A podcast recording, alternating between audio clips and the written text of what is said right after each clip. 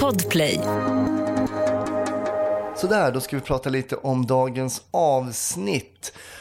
Jag har än en gång läst en bok som heter Tills alla dör av Diamant Salihu. Tro inget annat än att jag tycker att de här unga killarna som skjuter och har ihjäl varandra är eh, vidriga brottslingar som begår hemska gärningar på många olika sätt. Men det är också ett väldigt komplext problem när unga människor beter sig på det här sättet. Och jag tror inte vi kan lösa det med enbart till exempel hårdare straff. Jag tror att det behövs eh, andra åtgärder också. Jag har än en gång lämnat Snutsnacks comfort zone och ehm, då gästen eh, inte är polis idag. Men jag hoppas att du tycker att det här är intressant. Jag tycker att det är väldigt intressant. Jag rekommenderar att läsa boken också. Ta det försiktigt där ute. Jag har fått tid för vaccination. Eh, det är ju lysande. Hoppas du också går in nu i fas 4 och hänger på låset. Vill du stötta podden så uppskattas det oerhört. Eh, Smitt in på patreon.com snutsnack och läs mer där. Kan du ta del av bonusmaterial med mera, med mera. Som sagt, var försiktig där ute och hoppas att du tycker att det här är ett intressant avsnitt. Trevlig lyssning.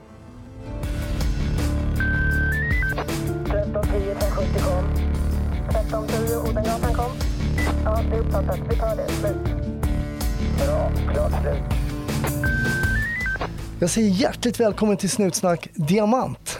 Tack så hemskt mycket. Det är spännande att vara här. Ja, vad roligt, vad roligt.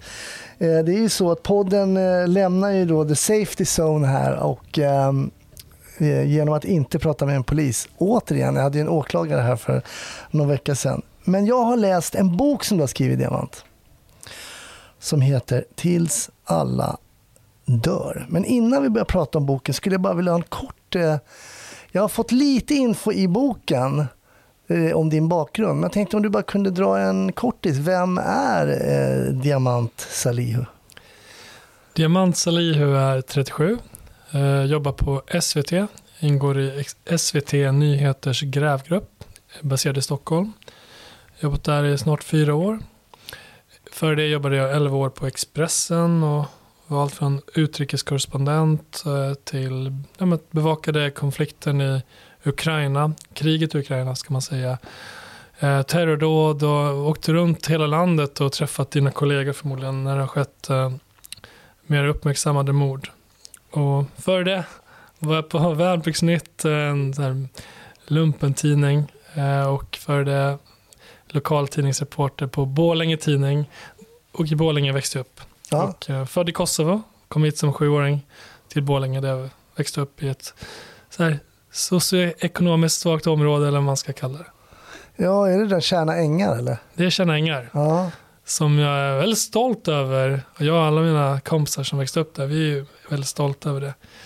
Att vi växte upp där tillsammans. Och, för det har format oss på många sätt till de vi är idag. Mm. Ja, men det är intressant. Du skrev i boken eh, att eh, just att vara alban, liksom, att alla skämt om... Eh, och det finns ju det kring alla, alla grupper egentligen, oavsett var man kommer ifrån så finns det någon vits. Liksom. Och du nämnde att ni var cykeltjuvar och det är det där klassiska albanskämtet, kör inte på en alban som cyklar. ja. Det kan vara din cykel. Eller krocka inte med en alban som har en Mercedes i Albanien, för då kan det vara din egen Mercedes. Men eftersom halvtysk så vet jag ju vilka skämt som har, eh, när man berättar att man har tyst påbrå, så att man är ju van vid jag vet inte hur många tråkiga nazistskämt jag har hört genom åren. Så det, bli, det blir väl så eh, att vi får oss en släng beroende på var vi kommer ifrån. Ja, men alltså, jag och mina, framförallt mina invandrarkompisar, vi tycker om att skämta med varandra och, och eh, det är ganska rå humor, men eh, alltså, vi, vi köper det. Mm.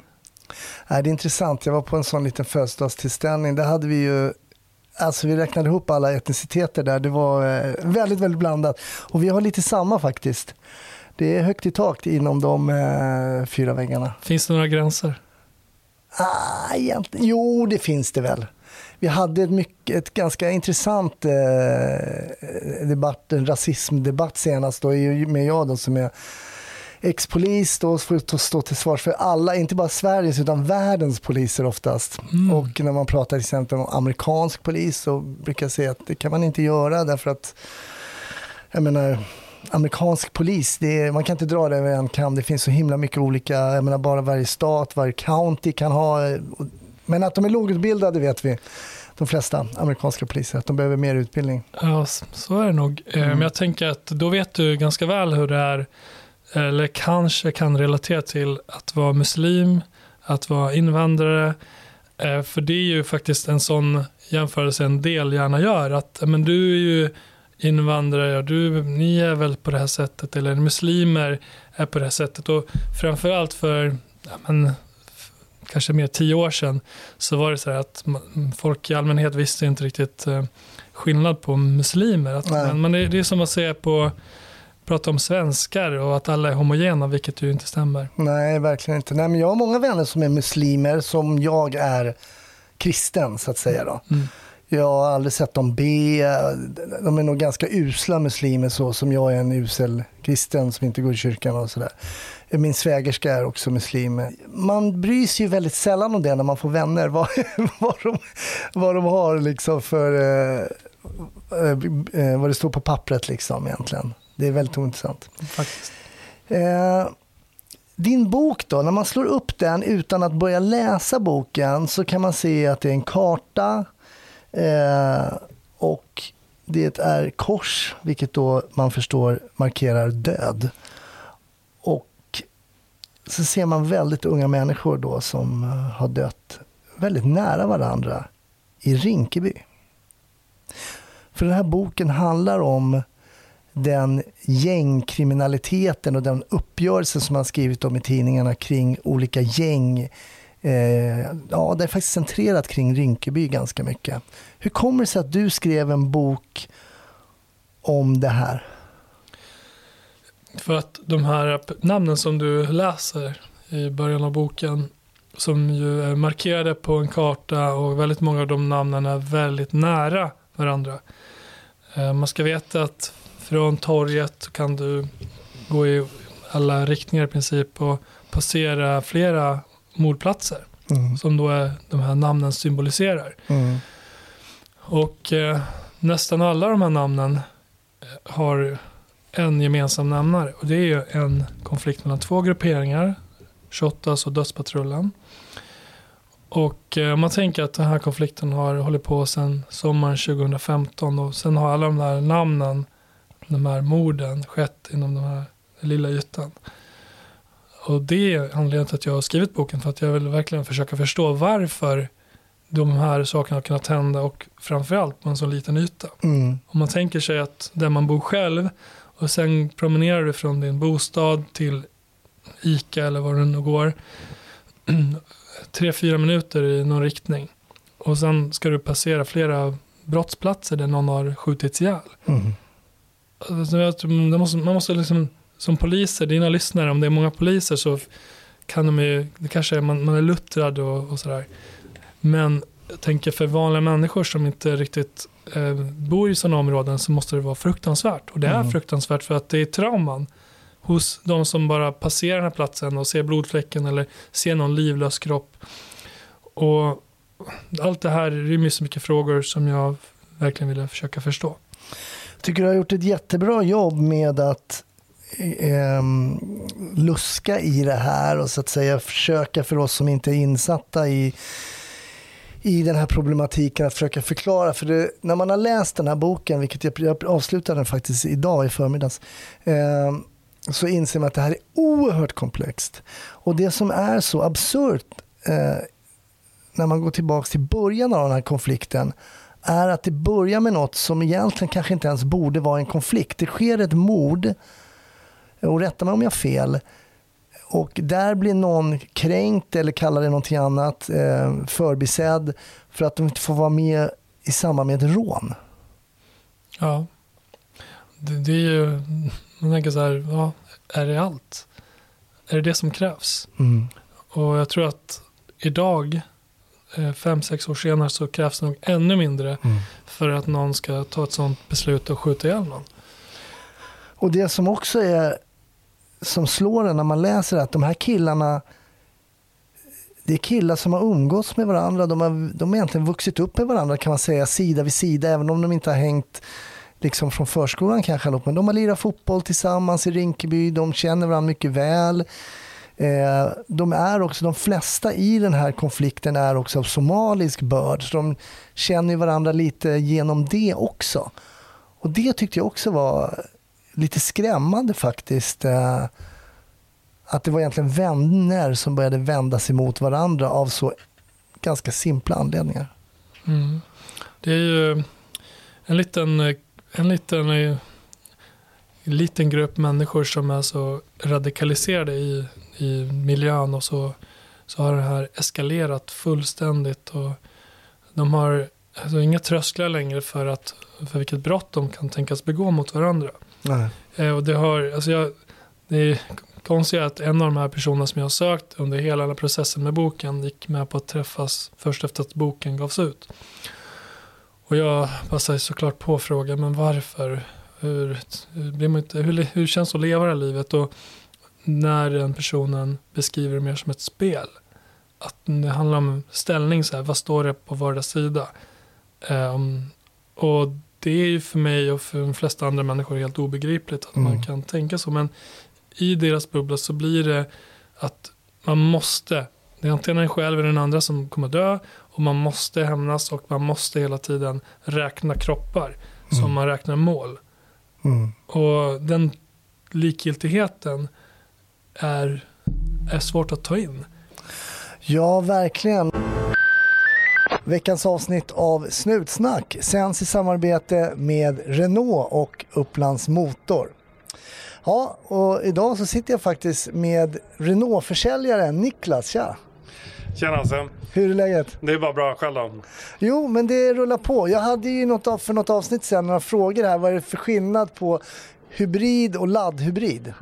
Ja, um, man kan säga lite kort att uh, i en laddhybrid så har du ett större batteri Eh, och du kan ladda den ut vägguttag eller ur en laddbox. Mm. Eh, och det gör att man kan köra mer på el än en hybrid.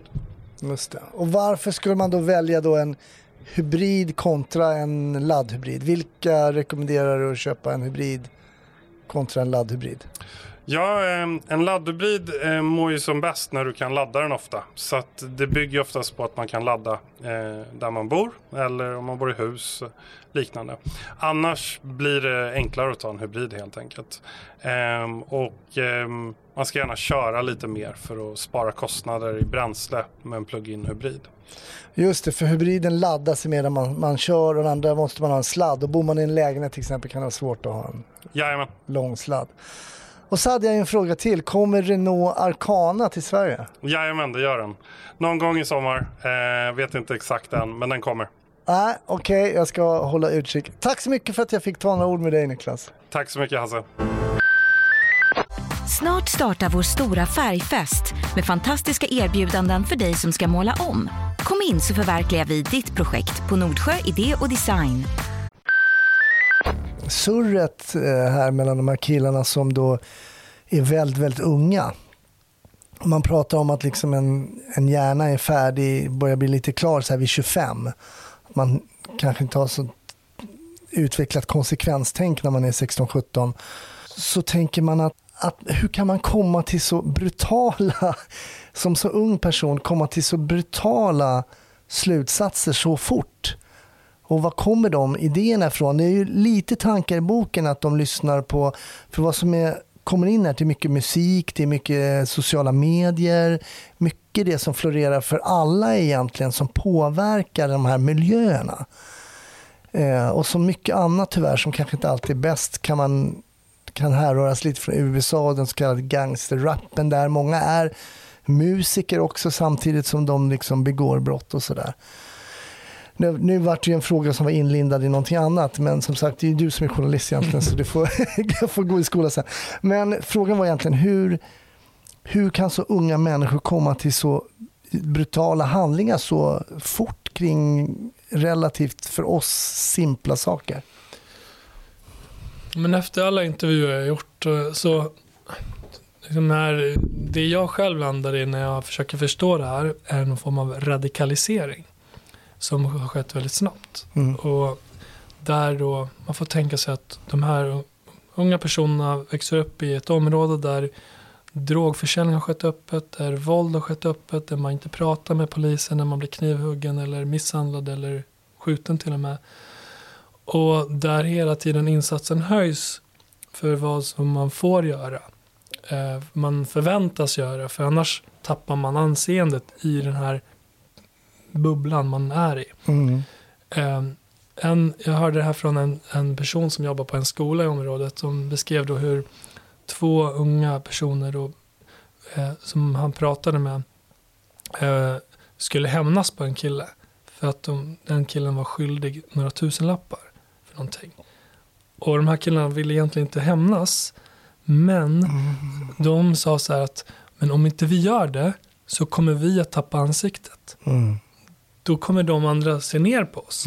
Så att det finns en, alltså i det här, föreställ er den här världen att andra förväntar sig, om man ska vara med i den här leken eller vad man ska kalla det, Mm. eh, så ska man, förväntas man göra saker som man egentligen inte vill, Mm. för annars, eh, annars är man ingen. Nej, Och det är på samma sätt, eh, de vill jag få, de jag pratar med som är ganska stora på sociala medier, som har en, en, en, så här, en fasad att de, de klär sig i vissa märkeskläder och ibland viftar med vapen och sådär. Syns i musikvideos till och med. Men att de egentligen, man, man träffar dem så är de ganska vanliga, de unga personer som verkar, ska jag säga, ganska harmlösa i Mm. den stunden. Eftersom jag i alla fall inte upplevt att de varit hotfulla mot mig hittills. Nej. Men på bilderna som publiceras så har de en, en sån här fasad att de är hårda, tuffa, för att det är viktigt. För finns de, alltså finns de inte och syns inte på de här plattformarna Mm. så existerar de heller inte. Så att de här två sakerna hänger ihop, att man förväntas vara på ett sätt. Mm. Och det är den här, i den här kontexten så är det här en statusmarkör. Mm.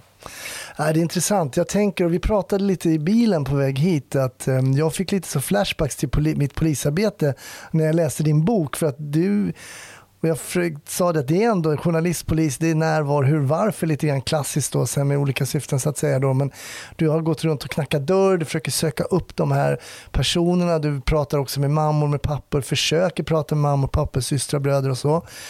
Um, du nämnde här nu att man pratar inte med polisen och det, det är ju poliser tror jag ganska vana vid att liksom kriminella och kriminella någon form av nätverk, då pratar man till polisen. Inga kommentarer ko- förekommer ganska ofta i boken att folk har sagt, inga kommentarer.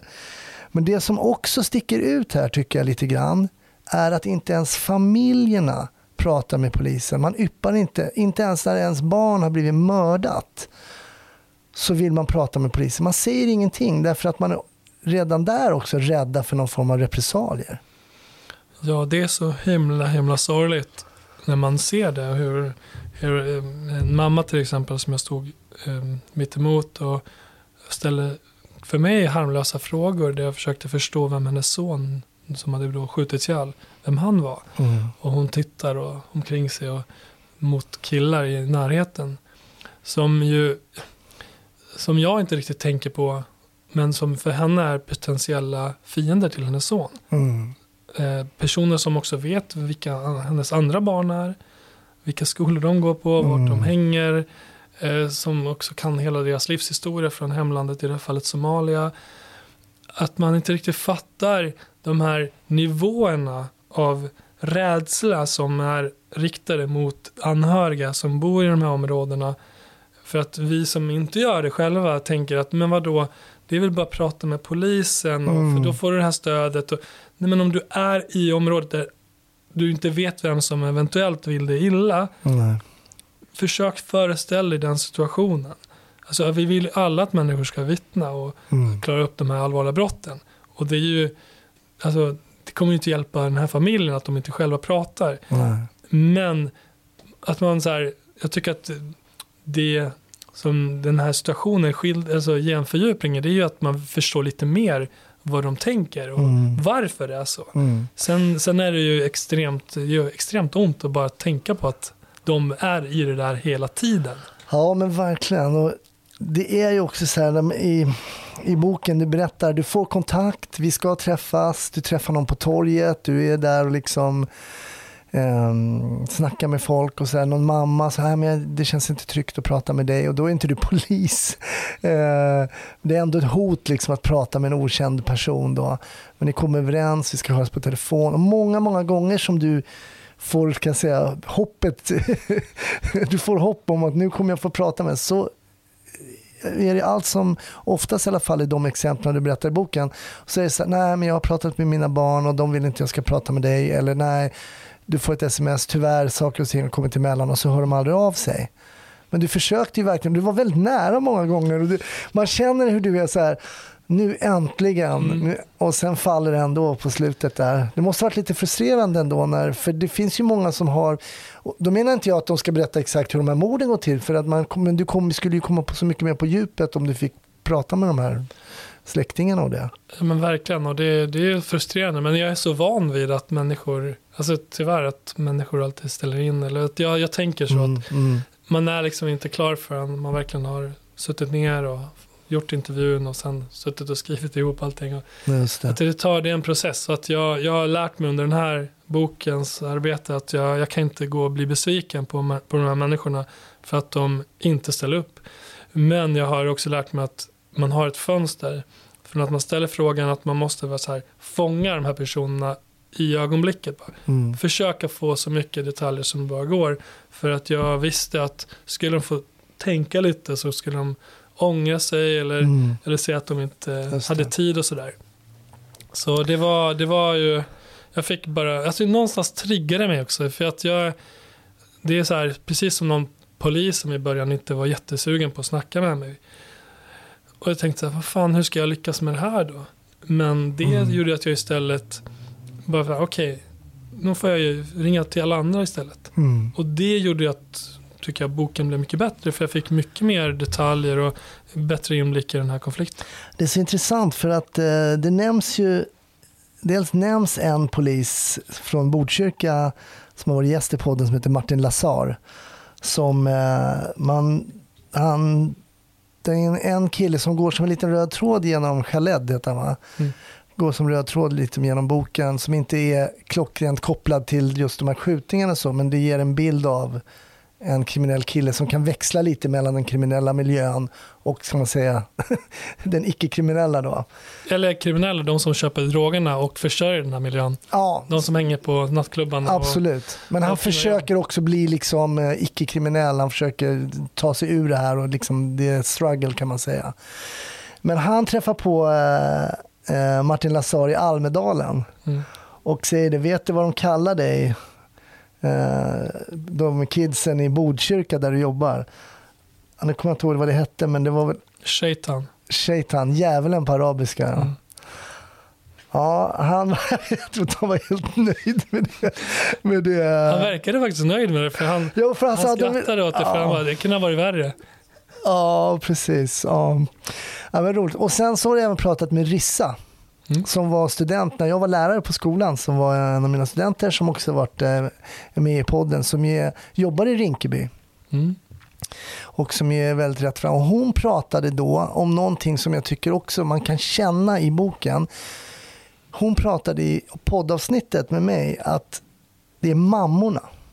Mammorna, man måste vara och bry sig mer om mammorna i det här området. De är oftast själva och eh, de pallar inte, men man kan hjälpa dem och då skulle det kunna hjälpa hela liksom, eh, communityn. Liksom.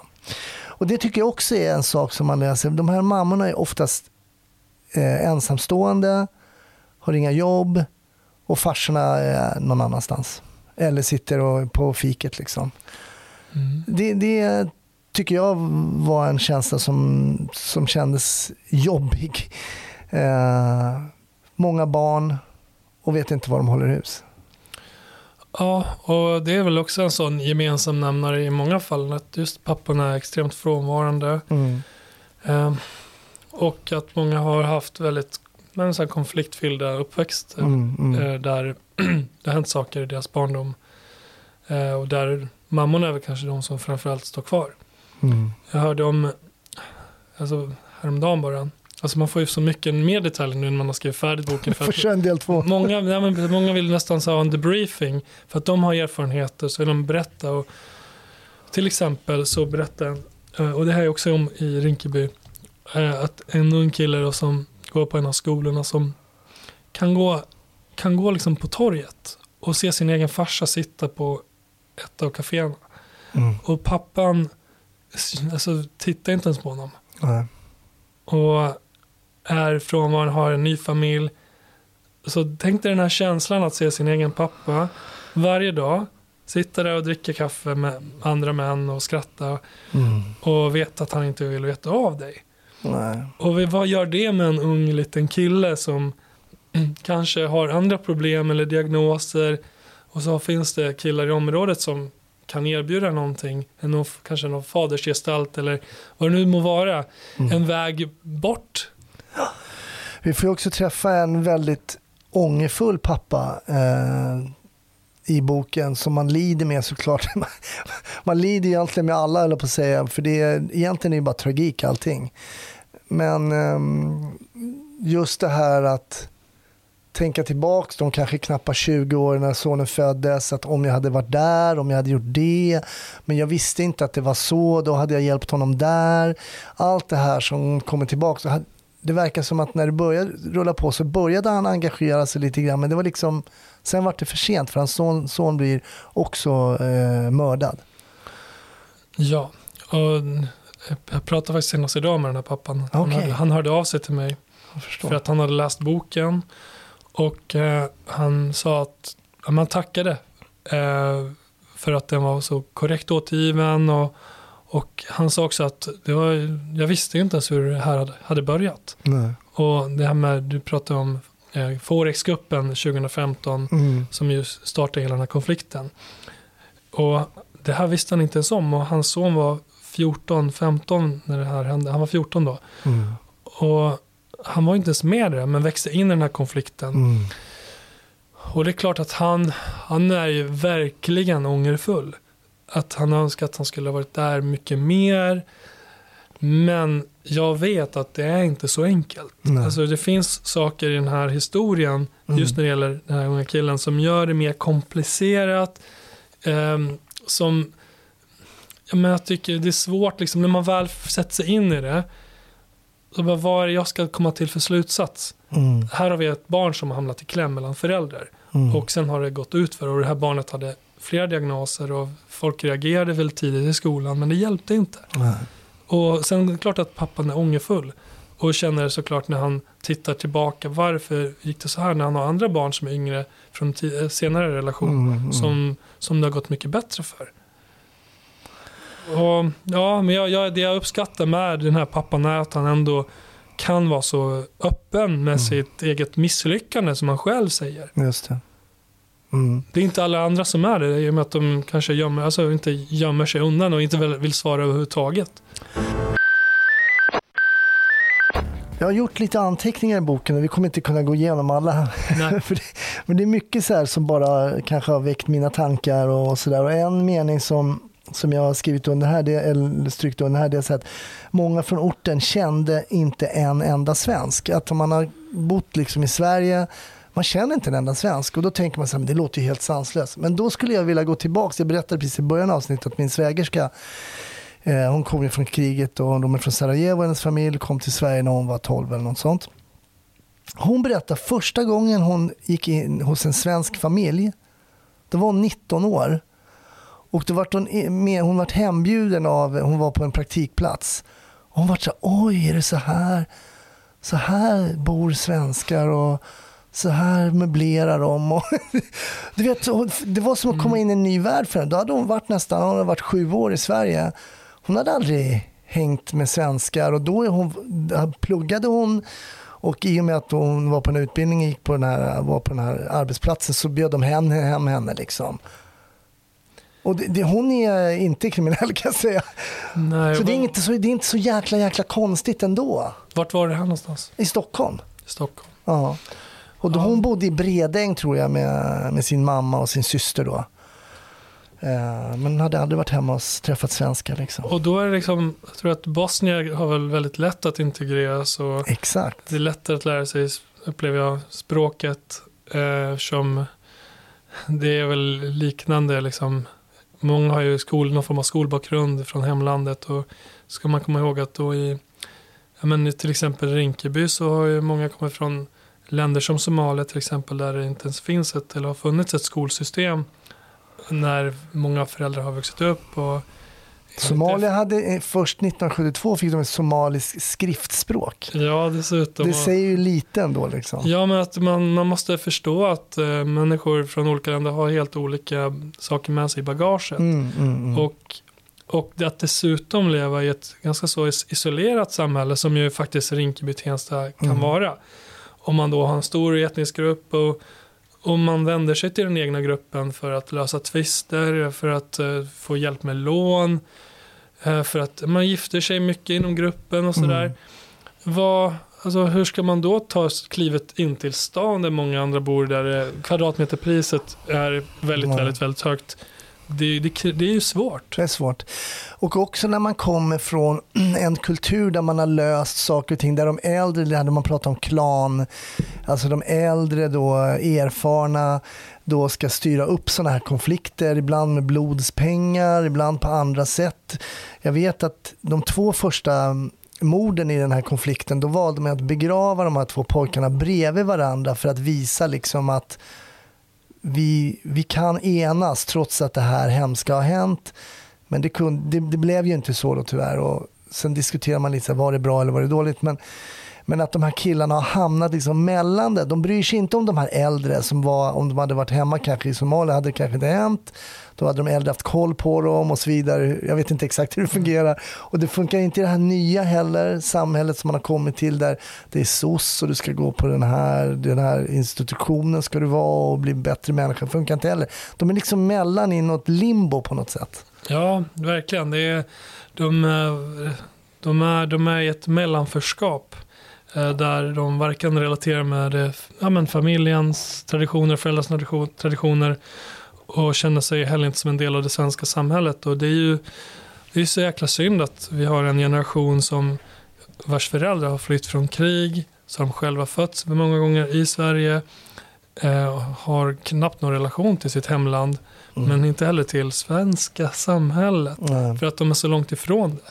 Och flera beskriver just det som händer i den här konflikten som ett form av krig. Mm. Alltså att man använder den termen krig gång på gång från olika sidor. Det är ju helt sjukt. Mm, I. Sverige, Men det märker man ju i boken. Så fort de blir stoppade eller någon pratar med en så går de ju omkring med alltså, tunga skyddsvästar. Med alltså plattor som ska tåla liksom hö- om För en del har ju Kalashnikov och grejer. Och det, då kan du inte bara ha en sån liten kevlarväst. Liksom. Du måste ha plattor som om det kommer mot vitala delar. så att säga. Om inte någon skjuter en i huvudet då hjälper det inte vad man har för. Men det märker man att de är ju rädda hela tiden de går runt. de är rädda och förmodligen i många fall också väldigt traumatiserade. Eh, flera som jag har pratat med beskriver som att de vaknar på nätterna, skriker. Ja, jag menar, var, var ska de vända sig för att få hjälp? Mm. Eh, Det är, eh, en sa något väldigt intressant som jag verkligen som har fastnat hos mig. Och det var att han bara, men eh, i resten av Sverige, de som mår dåligt, de kanske tar livet av sig. Men här så dödar vi varandra istället. Mm.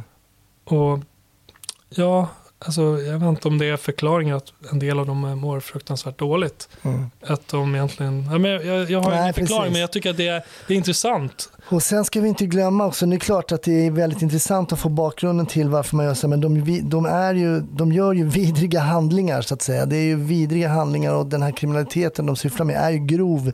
Det är ju, det är ju grova brottslingar liksom. Sen kan man alltid diskutera då eh, varför det blev så. Det är väldigt intressant. Eh, men det de håller på med är ju, de skapar ju en otrolig rädsla. Eh, de har ju ett sånt våldskapital som folk, alltså när till och med familjer vägrar, de sprider ju en skräck i det här området som är, inte är till godo för någon. Eh, och beroende på då vilka som då så att säga då skulle ha kontroll över området så kan vissa vistas där och andra är, kan vara på kaféet och man får titta sig om. Det är, det är bara av ondo egentligen givetvis det de håller på med.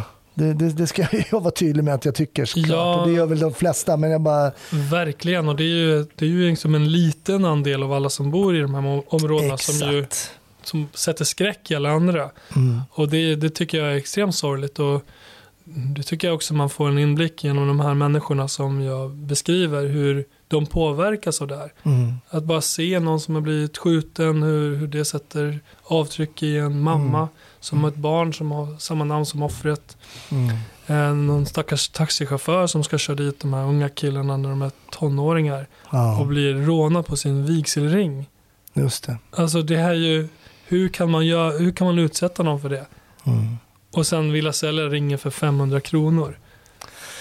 Ibland är det så små summor och det handlar om och det är så små saker. Till exempel så blir en kille ganska, eller ganska, han blir väldigt grovt förnedrad. Det det var väl skriverier och det snurrade väl på sociala medier då hur man liksom hur man pissar på den här snubben och hånar honom och kallar honom för studiobandit som då är någon form av, eh, att man är liksom rappare men man är inte riktigt där man säger att man är. Alltså man kanske rappar om, om gangsterprylar men så har man inte rånat och då är man ja, en tönt då egentligen som försöker utge sig för vara något som, som man inte är. Men det här blir de här killarna dömda för faktiskt till slut. Mm. Den här, um, den här förnedrings... Jag vet inte om det var ett rån också eller om det var bara i ren förnedring. Inte rån. Nej. Men eh, ja, två av de killarna som var med eh, dömdes. Eh, och eh, båda sitter redan på långa straff. En är ju dömd i Danmark nu till livstidsfängelse. Mm. Och en annan sitter för synnerligen grovt narkotikabrott. Har några år kvar på det. Men det, det, det är ju så att den här konflikten har ju liksom dragit in andra personer som från början inte var involverade. Nej. Som ju den här rapparen som du syftar på. Som efter det tvingades mer eller mindre så här, ta en mer central roll i den här konflikten. Och blev, var en av de som då hade skottsäker väst och började beväpna sig och sen dömdes för grovt vapenbrott. Mm. Men som också idag omger sig med personer i den här miljön. Det blir någon form av så här livvaktstyrka, man behöver deras uppbackning. Mm. För att om man inte har den här uppbackningen så riskerar man ju faktiskt att bli utsatt för grova brott. Mm. Som den här förnedringen eller som i fallet med den andra unga rapparen som kidnappades och förnedrades och, och blev utpressad efteråt. Mm. För att han inte, alltså för att han ansågs vara någon form av studiebandit som du säger. Mm. Och insatserna höjs då i den här miljön och det tycker jag är också en så här skrämmande utveckling att man måste vara på ett sätt för att kunna rappa om den här miljön. Mm. Ja, precis. Det har ju varit lite surr om eh, Yassin då till exempel som omnämns ganska mycket i boken. Eh, huruvida han ska bli nominerad på, till vissa priser och sådär om man, om man är involverad i den här typen av brottslighet, vilket han ju bevisligen är då. Han sitter är ju- misstänkt för, för i alla fall. Ja, men han är ju fälld också tänker jag för vapenbrott. Ja, ja, för vapenbrott ja. Ja. Men jag tänker den här för inblandning i planering av kidnappningen. Nej, det, det är han precis. bara Ja. häktad än så länge. Sen nämner du också, vi har haft ett avsnitt, vi hade ett separat avsnitt om Encrochat, men du nämner ju de här krypterade apparna som man eh, kommunicerar med och svårigheten i polisarbetet. Jag tycker det är intressant också faktiskt, för man får en inblick i det polisiära arbetet också genom att läsa din bok. Och något som inte jag har gjort någon gång som polis i alla fall, det är ju att analysera då de här rapparnas videos till sina låtar och att grundligt gå igenom deras texter. Eh, texterna avslöjar ganska mycket faktiskt och du, mm, eh, du skriver ju ner eh, verser och så här rim i boken där man kan se att man talar om personer som har blivit skjutna och så vidare och så vidare. Och om vissa personer till exempel nämns i samband med en gruppering så kan det vara oerhört negativt för den personen. Precis. För det blir ju det blir en, en person som associeras med den ena sidan och riskerar då därmed att bli en måltavla.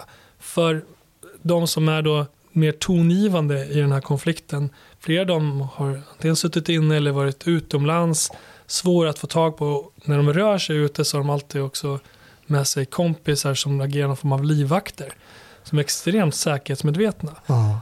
Men då ger man ju sig på de andra istället. Och det finns flera sådana exempel när personer som associeras då till de här olika sidorna har blivit brutalt misshandlade och så, här, så har man filmat dem eller förnedrat som i fallet med rapparen eller, eller ännu värre saker. Mm. Nej, men, så det, var, det tycker jag var polisiärt arbete som var en nyhet för mig. Eh, jag, tycker det är en, jag ska inte avslöja det, men jag tycker verkligen du ska läsa boken om du tycker det här låter som en intressant eh, samhällsfenomen att läsa om. Så är det en kod som, eh, som dyker upp som jag tyckte var roligt. Eh, det blir som när man som ståuppkomiker har en sån här en, en callback. Då, då känner man sig som publik så smart. Ja, just det, det var det. Och så det var så lite med den koden. Ja, där kom den. eh, när, var... när han satt på toaletten. Ja, just det, precis. Ja. Nej, men, eh, så lite polisiärt eh, är det i alla fall i boken och, och lite inputs också från en, en, en, del poliser. Men du berättar också, och vi pratade om att um, Eh, de här intervjuerna som du mestadels då tyvärr inte fick till. Men i slutet så får du till en intervju med en kille som kallas för Katten och då är han, befinner han sig i Barcelona, så du hoppar på ett plan och får faktiskt snacka med den här killen. Eh, som då har varit lite i periferin och man har hört talas om bara i, i boken, så man vet inte riktigt vad han har haft för roll. Men eh, ja, han sa kanske inte så mycket egentligen ändå, men det, måste, det, det mötet verkade väldigt spännande. Berätta, du åkte ner till Barcelona för att träffa honom. Va, vad hände? Ja, jag kom till, alltså jag fick eh, för första kontakt med honom via via Instagram. Många av de här finns ju på öppna konton och eh, inte så himla diskreta med de har dyra klockor eller eh, röker eh, Mariana och liknande. Mm. Och eh, den här personen, jag, bara, jag var rätt fram bara, hej jag skriver den här boken och jag har flera uppgifter om dig som jag skulle vilja eh, låta dig bemöta. Eh, kan vi få kontakt på något sätt? Och sen eh, beskrev jag lite i korthet vad det handlade om. och eh, han gick med på att träffas. Så kom jag ner dit och, och vi möts liksom på eh, en strand liksom en bit utanför Barcelona. Och först kom en någon form av kille som jag kallar för livvakten som är så här, kollar i alla riktningar och har en telefon uppe och jag fattar liksom att ja, men det här är inte den personen som jag har pratat med. Men jag, jag förstår direkt att ja, men han har en någon form av så polare som ska kolla att det är under kontroll, att mm. jag inte har någon kameraperson i närheten eller att det inte är någon fälla. Mm. För de här är ju paranoida. Mm. Alltså vilket, jobb, vilket extremt jobbigt liv. Ja. ja, extremt jobbigt liv. Men de är så vana och i alla fall så kom det efter ett tag då den här katten lunkade fram och så här eh, ostressad kille längs stranden och skulle kunna smälta in som någon av de här surfarna som det fanns många av just där. Men eh, men vi, jag fick sitta ner och ställa alla mina frågor och fick en liksom djupare inblick i vem han är och hur han känner de här killarna. Och han beskriver de här som kopplas till dödspatrullens kärna som sina bästa, bästa vänner. Och eh, för mig var det viktigt att ändå få, så här, få ett ansikte på någon person som jag bara hört talas om på olika sätt. Att han, han hade en väldigt viktig roll enligt mina källor. För han var för utanför Rinkeby egentligen, han var en Uppsala-kille va? Eller? Ja, en Uppsala-kille som, som enligt mina källor då hade haft en viktig roll för att knyta samman de här unga killarna i Dödspatrullen när de blev portade från Rinkeby. Eh, dels förse dem med beskydd i, och tak över huvudet när de, när de behövde vara borta. Men också tog hand om dem när de var i Spanien. Mm. Det som är väldigt intressant i det här är, och det blev ju också stort, det skrevs i pressen om det, är att det sker ju mord i Danmark. Och man kan väl säga att de här killarna gör ett misstag, det är kanske ett misstag som kriminella begriper, men att begripen i Danmark i det här fallet var ett ganska stort misstag om man ser till um, straffen. Eh, de blir gripna, de blir fällda och uh, i Danmark har man en speciell lagstiftning när det kommer till gängkriminalitet och man kan så att säga bevisa att det här har skett eh, i samband med gängkriminalitet. Och de har något, vad heter Bandeloven. Bandeloven, ja. Man är med ett band. ja. Eh, så killar då som kanske skulle ha fått fyra år ungdomsvårdsanstalt, de fick nu livstid. Nej, de fick eh, 20 år. De fick 20 år, så var det. Och de som var vuxna då, på papper, de fick livstid. Mm. Och de hade inte inte troligtvis fått livstid kanske i Sverige. Det vet man, det kan ha fått, men eh, troligtvis inte. Troligtvis inte. Nej. Men det här kom ju liksom som en käftsmäll för de här killarna. Och det får ju en också undra när man läser om, eh, om de rabatter vi har, ungdomsrabatter. De kommer ju ut för de här till exempel grova vapenbrott, sitter inte så länge för det, de är ute, de kanske får ännu mer respekt än tidigare för att de har gjort en vända, liksom, varit inne på kåken, lärt sig mer, pratat med äldre kriminella. Eh, man får liksom inte bort dem ordentligt länge på något sätt och det här är ju någonting som som diskuteras också. Ska man liksom inkapacitera dem längre så att de är borta så länge, sen de kommer tillbaka till torget så vet knappt folk vem de är. Men nu sitter de, du berättar de som sitter för synnerligen grovt narkotikabrott, de kommer ut 22-23. Mm. Eh, då vet fortfarande alla vilka de är. Eh, ska de sitta längre? Det här är ju någonting man diskuterar. Ja, vad ska man göra med de här unga killarna som ser upp till de här mm. som, har blivit någon form av idoler i området? Så att till och med skolbarnen kan leka att de är Shottaz och Dödspatrullen. Ja, det är ju helt skrämmande alltså. Ja, det, men det är så... Och vad ska man göra när 16-åringar begår brotten och bara får ingenting? När de vet att, vad är det man kallar man blir en hundragubbe? Vad heter den? Man bröstar en fyra för att bli en hundragubbe. Man bröstar alltså fyra års på sluten ungdomsvård för att bli accepterad av de här äldre i gänget. Alltså jag har hört så många sådana, och jag beskriver också flera sådana exempel mm. när 15-16-åringar bröstar då eh, på olika sätt eh, straff, man är, är knarkkurir, man ett, ett fall som faktiskt hände för ett år sedan i, i Järvaområdet där en 16-åring tar på sig ett grovt vapenbrott som en rappare blev misstänkt för. Så den här unga personen kommer till polisstationen och säger att ja, men det var mitt vapen. Så jag smög in i lägenheten utan den här personens vetskap och placerade vapnet på den här platsen.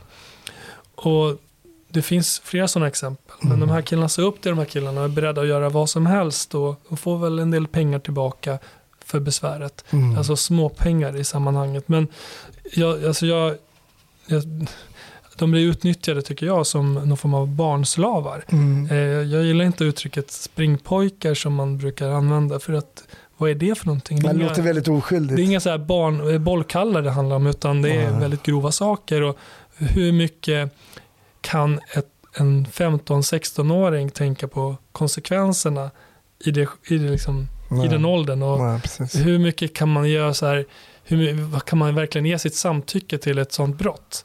Mm. Det, nej. Och just uttrycket hundragubbe beskriver också att man ger hundar, man backar inte för att göra någonting egentligen. Då är man en hundragubbe. Nej, man backar inte och det finns ett exempel från ett av morden på en av pizzeriorna i området. Som eh, en 16-åring gick in och sköt ihjäl en annan person i den här konflikten. Uh-huh. Så att det, det finns liksom inga gränser för vad man är beredd att göra för att bli den här hundragubben. Ja, helt otroligt. Jag brukar ju, det här är ju då kära lyssnare liten, ett litet eh, surr kring boken då som Diamant har skrivit som heter Tills alla dör som jag rekommenderar samtliga att läsa. En väldigt, väldigt intressant bok måste jag säga som jag skrivit. Jag tycker du beskriver en jag sa till dig i bilen, det var svårt att hålla reda på namnen ibland, men det är kanske bara jag. Men det är mycket namn till en del, men sen så börjar väl och knutarna och och, och lösas upp efter ett tag. Men väldigt spännande eh, bok. Jag brukar ju fråga alla mina polisgäster vad de, om de tittar på polisfilmer. Kollar du på journalistfilmer? uh, oj, nej men jag har ju kollat på Newsroom förut när, när den var lite mer aktuell. Men om jag får rekommendera en polisserie. Ja, verkligen. Eller jag vet inte om man ens ska säga polisserie. Jag tycker att det är en den bästa samhällsskildringen som har gjorts av den här typen av frågor. Och då är det ju The Wire. Mm. Som säkert en del har sett. Eh, men jag tycker att den är fortfarande extremt aktuell. Och eh, jag tänker, när jag skrev boken så tänkte jag väldigt mycket på The Wire. För att den skildrar i olika säsonger dels gatulangningen men också polisens perspektiv, skolans perspektiv, mm. hamnarbetarnas, politikernas och allt, alla de här bitarna som man måste förstå mm. för att begripa hur komplext det är. Att mm. Det är inte bara att göra en åtgärd som Nej. höja straffen. Mm, vi, vi, har ju sett att man har höjt vapen, straffen för vapenbrott. Man har kunnat häkta fler. Men skjutningarna nådde någon form av tragiskt rekord förra året till 47 personer i den här miljön. Mm. Det finns så mycket mer man kan göra och eh, jag tror att man måste så acceptera att det är komplext och försöka Mm. se det från olika perspektiv. Och jag hoppas att man kan göra det med boken. Men om jag ska prata om en serie som jag tycker illustrerar det här väl så är det just The Wire. Mm. Jag får hålla med dig. Jag gillar verkligen The Wire. Det är en av de bästa serierna jag sett måste jag säga. Den, ehm, den beskriver verkligen båda sidor. Om det nu bara finns två sidor, då gör det ju inte som du säger. Mm. Utan det är oerhört mer komplext än så. Så ett superbra tips. Och har du som lyssnar inte sett The Wire, då är det dags att börja. För den är så jäkla bra. Eller läsa min bok. Också. Ja, och det tycker jag absolut att vi ska göra läsa. Och vi ska, till dig som är Patreon ska jag säga att vi, jag och Diamant kommer prata vidare lite grann i Patreon-avsnittet. Så uh, stay tuned, uh, det ligger bonusmaterial där. Och till er andra säger jag tack så mycket. Men jag säger ett extra tack till dig Diamant som uh, ville vara med i Snutsnack, trots att du inte är polis. Tack för att jag fick vara med. Det var det lilla. Tack.